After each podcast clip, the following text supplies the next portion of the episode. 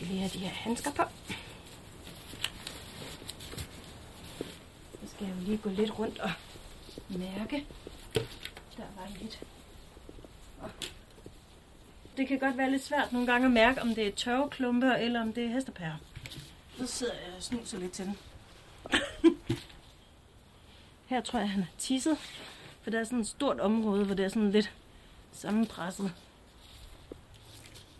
Og man kunne sikkert gøre det her på en anden måde, men øh, jeg kommer bare let til at tabe det, hvis jeg bruger en greb. Så det her det er bare det, der giver mening.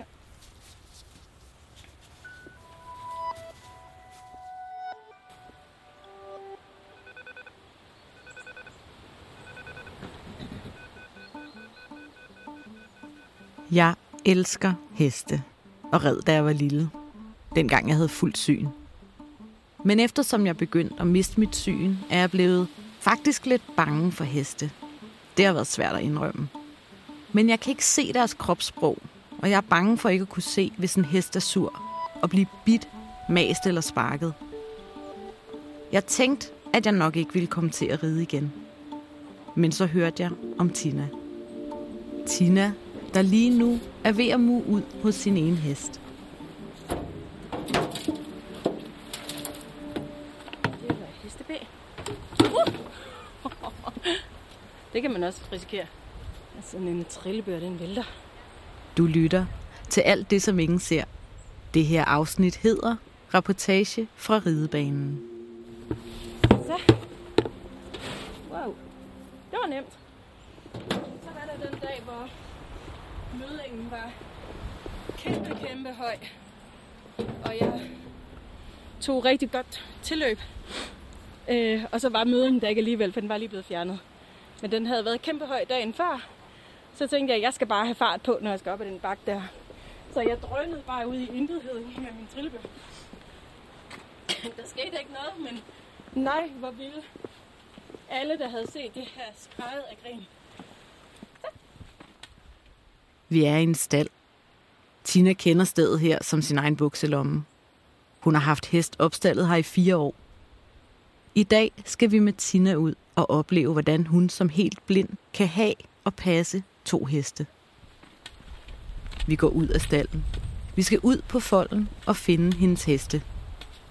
Fuldstændig hjemvandt går hun på mudrede hjulspor ned mod folden. Vi går forbi de små træskuer med foder, sadler og striler. Luften er sprød. De første træer er ved at miste deres blade og strækker sig mod en høj, klar efterårshimmel. Træerne vokser tæt i området. Det flyder med gamle traphaller, sorte murespanden i høje stabler og flækkede plastiktønder, der er blevet smidt til side. Tina zigzagger imellem det hele, helt ekstremt hurtigt. Jeg stæser efter. Jeg kan godt lige at prøve at lytte nogle gange. Hvis jeg skal lave noget andet, så kan jeg ikke helt høre, hvor man skal gå over.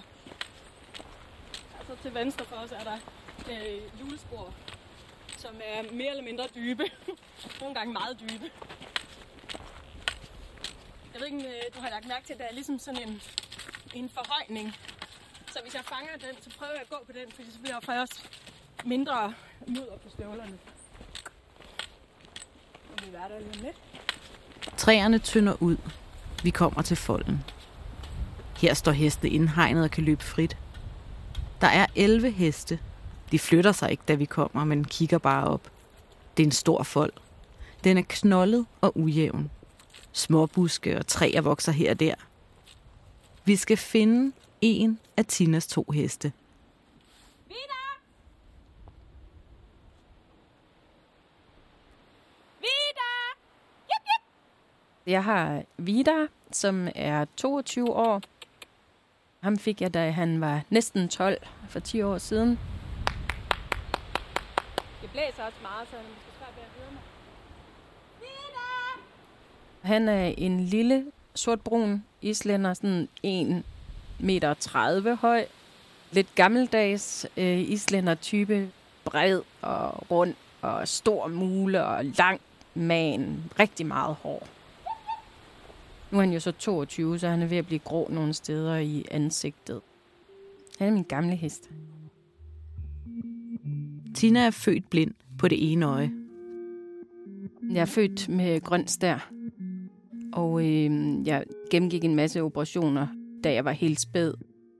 Men så var der egentlig en lang periode, sådan, som jeg selv husker det, fra jeg var sådan to et halvt eller sådan noget, til jeg var otte, hvor jeg egentlig bare var til kontrol. Som Tina vokser op, bliver hendes syn dårligere. Min mor sagde, har fortalt, at jeg begyndte sådan at falde over ting, der lå på, på jorden, så jeg har nok fået sådan en indsnævret synsvinkel. Og så øh, har jeg sikkert klaget over, at jeg havde ondt i øjet eller sådan et eller andet. Tina kommer på sygehuset. Hun bliver opereret, men da hun vågner, har hun smerter i øjet. Så kom der en læge og kiggede på mig, og så var jeg, altså, havde jeg ikke noget syn. De håbede på, at det var sådan en blodsamling, som ville fortage sig, så jeg fik det meste af mit syn tilbage, men det, det skete altså ikke. Jeg kan ikke sige, hvornår jeg holdt op med slet ikke at kunne se. Alle mine omgivelser var jo kendte, så de blev ligesom ved med at blive genereret inde i mit hoved, sådan mentalt. Men så var der en aften, sådan, hvor jeg gik ind til min mor og spurgte, om, om det stykke stof, jeg sad med, om det var... Altså, jeg kan ikke huske, om jeg spurgte, om det var grønt, og så det var rødt. Men det var i hvert fald diametralt modsatte farver. så man kunne ligesom konkludere, at der var ikke noget syn.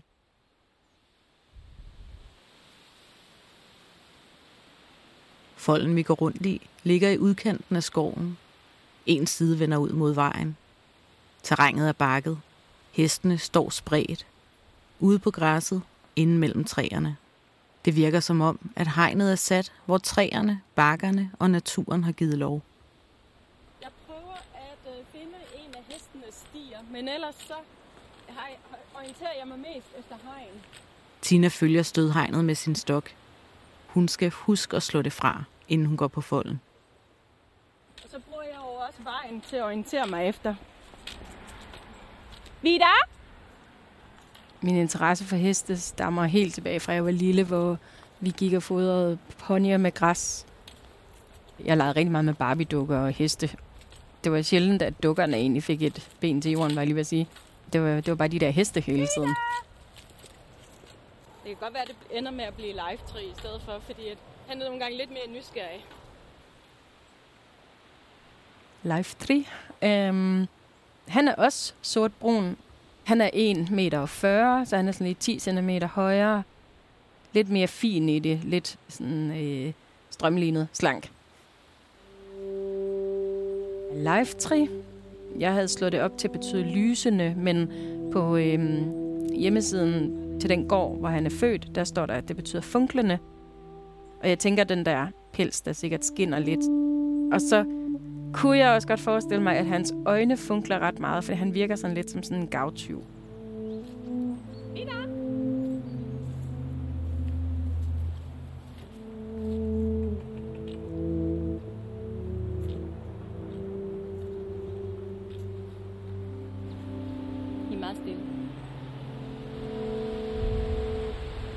Det ville jo have været dejligt, hvis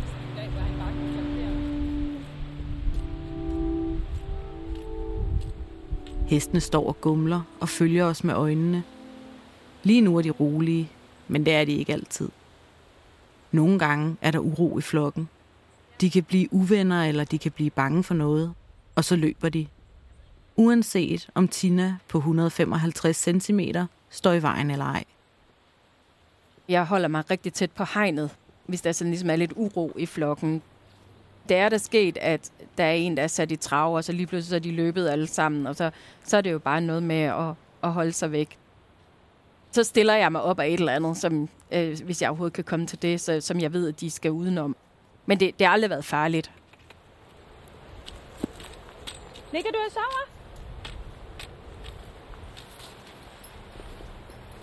Goddag, det var live vi fandt her. Hej live Hej, hvor du ved hen? Du har våd mule. Det er da godt, men ved du hvad, så bliver det dig.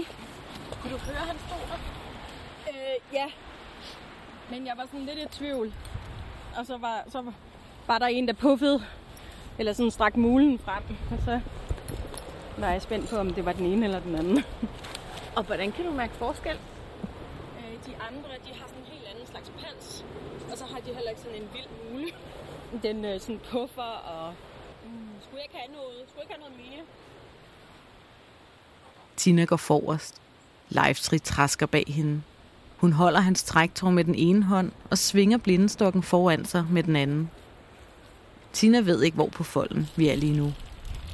Hun finder hegnet og følger det med sin stok. Hun leder efter udgangen. Vil du hellere den anden vej? Leifstrid hiver i træktåret. Men det er fordi, Leif, jeg ved jo ikke, hvor vi er hen.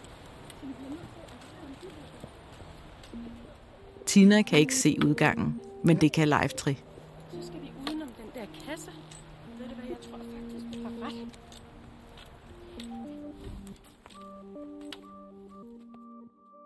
Som barn vil Tina gerne gå til ridning, men det får hun ikke lov til, for hun går allerede til håndbold, og hun må kun gå til én ting. Men så mister hun synet. Jeg bliver faktisk ved med at gå til håndbold, selvom jeg havde mistet synet, for vi vidste jo ikke, om jeg fik mit syn tilbage. Men det var jo ikke holdbart. Jeg kan huske, at jeg sådan var med til kamp, hvor jeg bare altså, var med selvfølgelig. Jeg var ikke øh, ude at spille. Jeg var bare hæpper. En af mine veninder havde gået til ridning, siden hun var 6 år. Og jeg var jo 8 år, da jeg blev blind. Så det var sådan et par år, hvor jeg bare virkelig havde været misundelig på hende. Og så, så fik jeg lov til at, at starte med at gå til ridning. Jeg er ret sikker på, at de gerne vil have det her til at fungere godt på rideskolen. Der var sådan en, en, der boede ikke så langt fra os, som hjalp op på den der rideskole. Og så havde vi bare en virkelig god ridelærer for mig. Altså, han var sådan lidt en hisseprop, men han var simpelthen så sød. Jeg kom egentlig ret hurtigt ind og ride efter de andre. Vi red på række. Øhm, og man kunne jo godt spørge, om man lærer at ride af det. Men jeg synes faktisk virkelig, det fungerede godt. Det var super godt og blindevenligt. Så fik vi en anden ridelærer, og jeg tror, det var sådan nogle andre vinde, så man skulle sådan begynde at ride selv i ridehuset. Fra det skete, kom jeg bare til at ride rigtig meget rundt inde på midten, og det blev sådan lidt en kamp for at, at få plads og ikke genere de andre.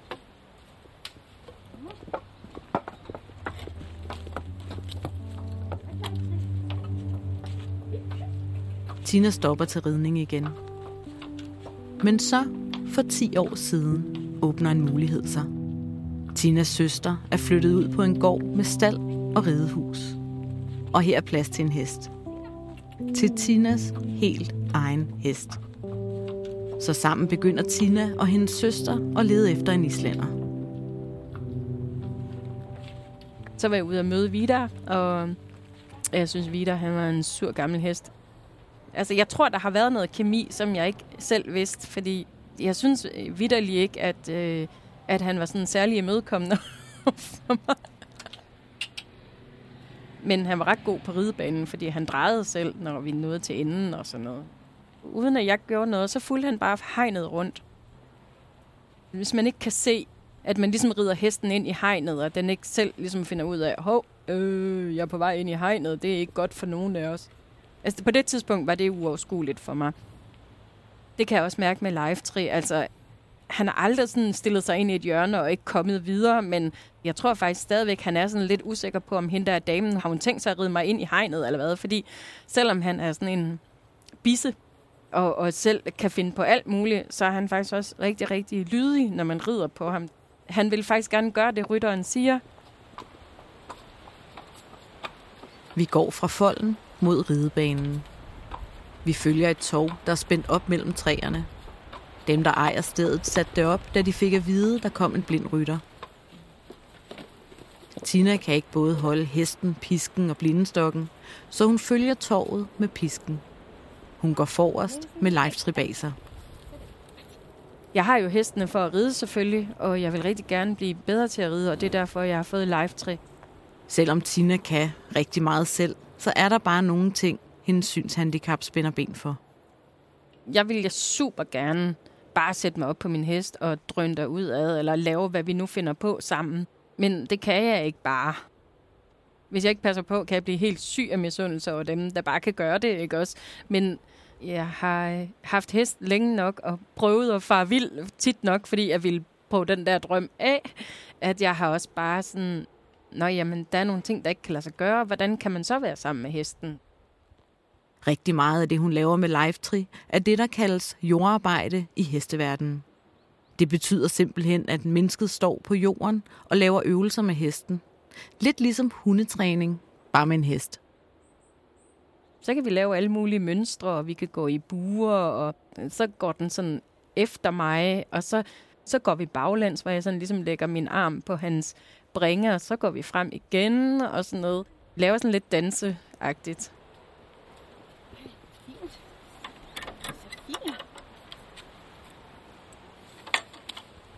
Den lille ridebane ligger som en bar firkant mellem høje, slanke graner. Er alle inde? Da Tina begynder at ride som voksen, starter hun også til rideundervisning. Så red jeg i en volde rundt om underviseren, og så vidste jeg ligesom, hvor hun var henne. Men når ridelæreren går rundt på banen, mister Tina orienteringen. Hun har brug for en lydkilde, der ikke bevæger sig rundt på banen, men bliver et sted. En stationær lydkilde at orientere sig efter. Og så lånte jeg sådan en lydgiver af min daværende kæreste, sådan en, der bare lå og sagde en midt på. Øh, og så red jeg rundt om den. Siden har Tina udviklet sit eget system. Godt, nu øh, sætter vi radio op, og Tina trækker fire små hvide transistorradioer frem. vi finde de rigtige radioer.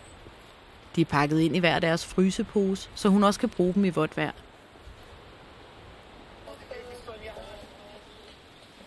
Hun har indstillet dem på forhånd.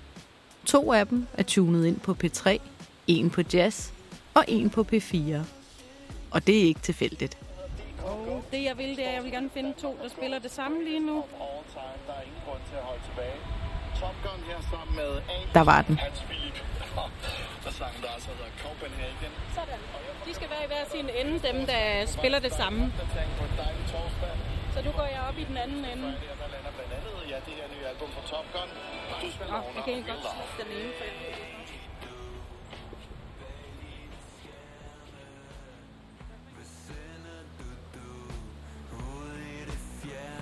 ret godt lide P3 og ride til, fordi at der er rimelig meget støj. Sådan, altså god Leif trisser rundt på ridebanen og leder efter noget, han kan spise. Tina følger hegnet rundt. Da hun når midten, lægger hun en radio. Hun føler sig frem. På den ene langside forsøger en flok brændnælder at overtage hegnet. Der er ikke brændenælder herover, så der kan man gå lidt mere frisk. Tror du, hestene ved, du er blind? Mm, nej, men jeg tror, de ved, at jeg er sådan en, man kan løbe om hjørner med. Jeg er ikke bange, når jeg sidder på min gamle hest. Det er virkelig sjældent. Men jeg er bange, når jeg sidder på min nye hest, når han ikke rigtig ved, om han vil eller ikke. Hvis han begynder sådan at sige, ej, det synes jeg ikke, så er jeg helt sikker på, at han er stærkere, end jeg er. Der er jeg altså blevet nødt til at hoppe af et par gange, fordi han skal ikke vide, at han er stærkere end mig. Og det er han.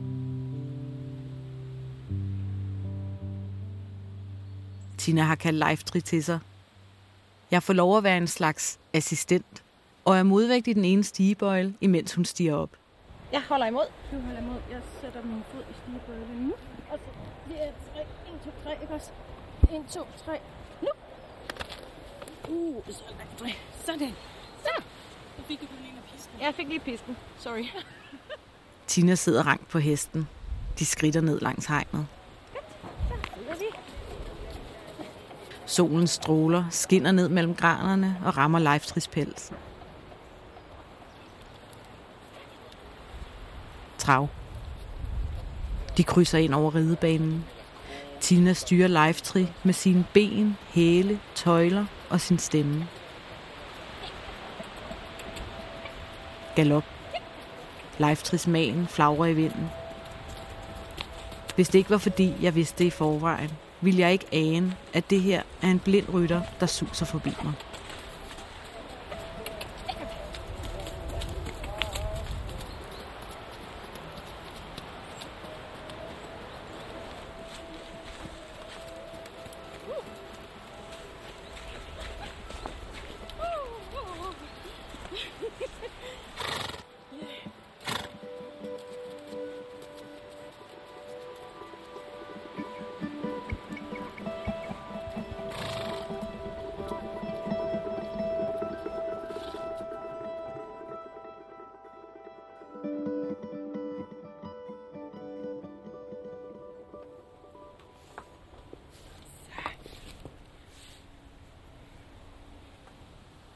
Der har spist dig på halsen. Strilepladsen er overdækket. Der er flisebelægning på jorden. Tina står helt tæt på Leiftre. Hun holder strilebørsten i den ene hånd. Med den anden mærker hun sig igennem hans pels. Søgende, systematisk. Og, løbe med. Du er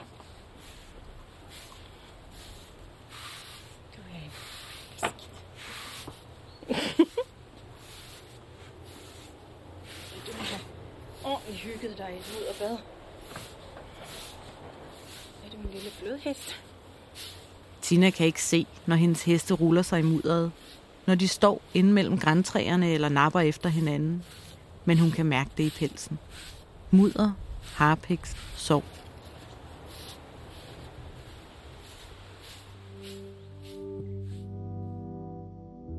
Hvad siger din kæreste til, at du bruger så meget tid på det? Altså, han er båd, og det tager jo også lang tid. Men altså, man kan sige, at med heste, der er det ligesom hele året rundt.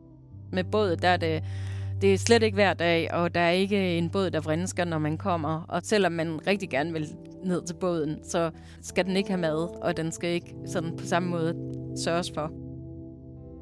Synes han nogle gange, du bruger for lang tid ude ved hestene? Det tror jeg. Men altså, han ved jo godt, det er sådan af mine børn. Det er sådan lidt det store, at jeg har ikke fået børn. Det vil jeg virkelig gerne, men altså, jeg, hestene er jo ikke mine børn. Men jeg tror ikke altid, at folk, der har børn, kan helt forstå den følelse, jeg har for hestene. At de er forbindelsen til det at være til som væsen. Essensen af liv. Det er sådan næsten lidt religiøst.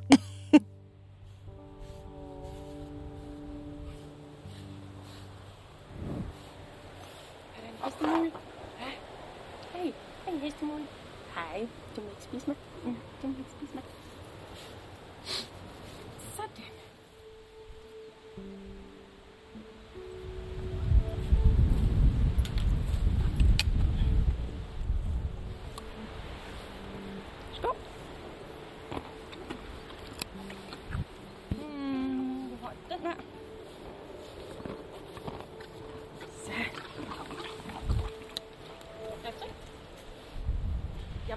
Hvornår jeg er færdig med at være herude.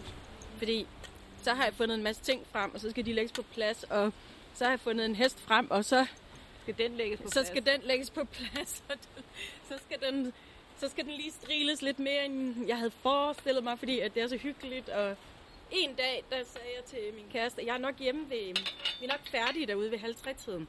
Så var jeg hjemme klokken syv. Ja, det er så også lidt ekstremt. I er dag, vi ses i morgen. Ja. Og så skal vi videre. Fra heste til hatte. Vi skal nemlig videre til månedens ja-hat. Indslaget, hvor vi ser på de fordele eller frynsegoder, der kan være ved at have et synshandicap. Der er ingen ja-hat uden dig. Så grib knoglen og ring til vores telefonsvarer og fortæl om en oplevelse, hvor dit synshandicap ikke var en hindring, men måske mere noget herligt. Nummeret er 38 14 88 46. Denne her måneds ja-hat går til Mie.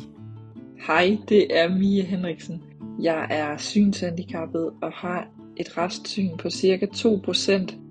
Men det gode er, at når jeg er ude og møder mennesker i offentligheden, så har jeg ikke længere mulighed for at bedømme dem på udseendet. Jeg kan ikke se, om folk har piercinger i øjenbrynene, eller om de har uren hud, hvad det nu end kunne være. Jeg møder alle folk lige, kan man vel sige. Og det, det synes jeg er en stor fordel for mig, fordi jeg så kommer til at fokusere mere på det indre og den gode samtale, vi har. Det, det har givet, mig mange spændende relationer, synes jeg selv. Øh, og det vil jeg da bidrage med her. Jeg håber, I alle sammen får en dejlig dag. Til Mie og alle jer andre derude, der ikke kan se mig, kan jeg afsløre, at jeg faktisk har lige præcis en piercing i øjenbrynet. Tak til Mie, der er en ja-hat på vej i din retning. Hvis du også vil vinde en, så ring til vores telefonsvarer på 38 14 88 46. I det her afsnit har vi taget nogle kunstneriske friheder ved ikke helt at følge den rækkefølge, Tina normalt gør hesten klar i. Så hvis du som erfaren rytter eller hestenørd undrer dig lidt over Tinas fremgangsmåde, er forklaringen altså, at vi har hugget en hår og klippet en tog her og der, for at få det hele til at passe ind i en lille podcast. Vi håber, du nød den. Den er produceret af Dansk Blindesamfund. Optaget og klippet af Astrid Hall, der også har tilrettelagt i samarbejde med mig selv. Mit navn er Lucif Dalin. Redaktør er Rikke Hård. Signaturmusikken er lavet af Mark Solborg, og det er Oliver Hoffmann, der har stået for mix.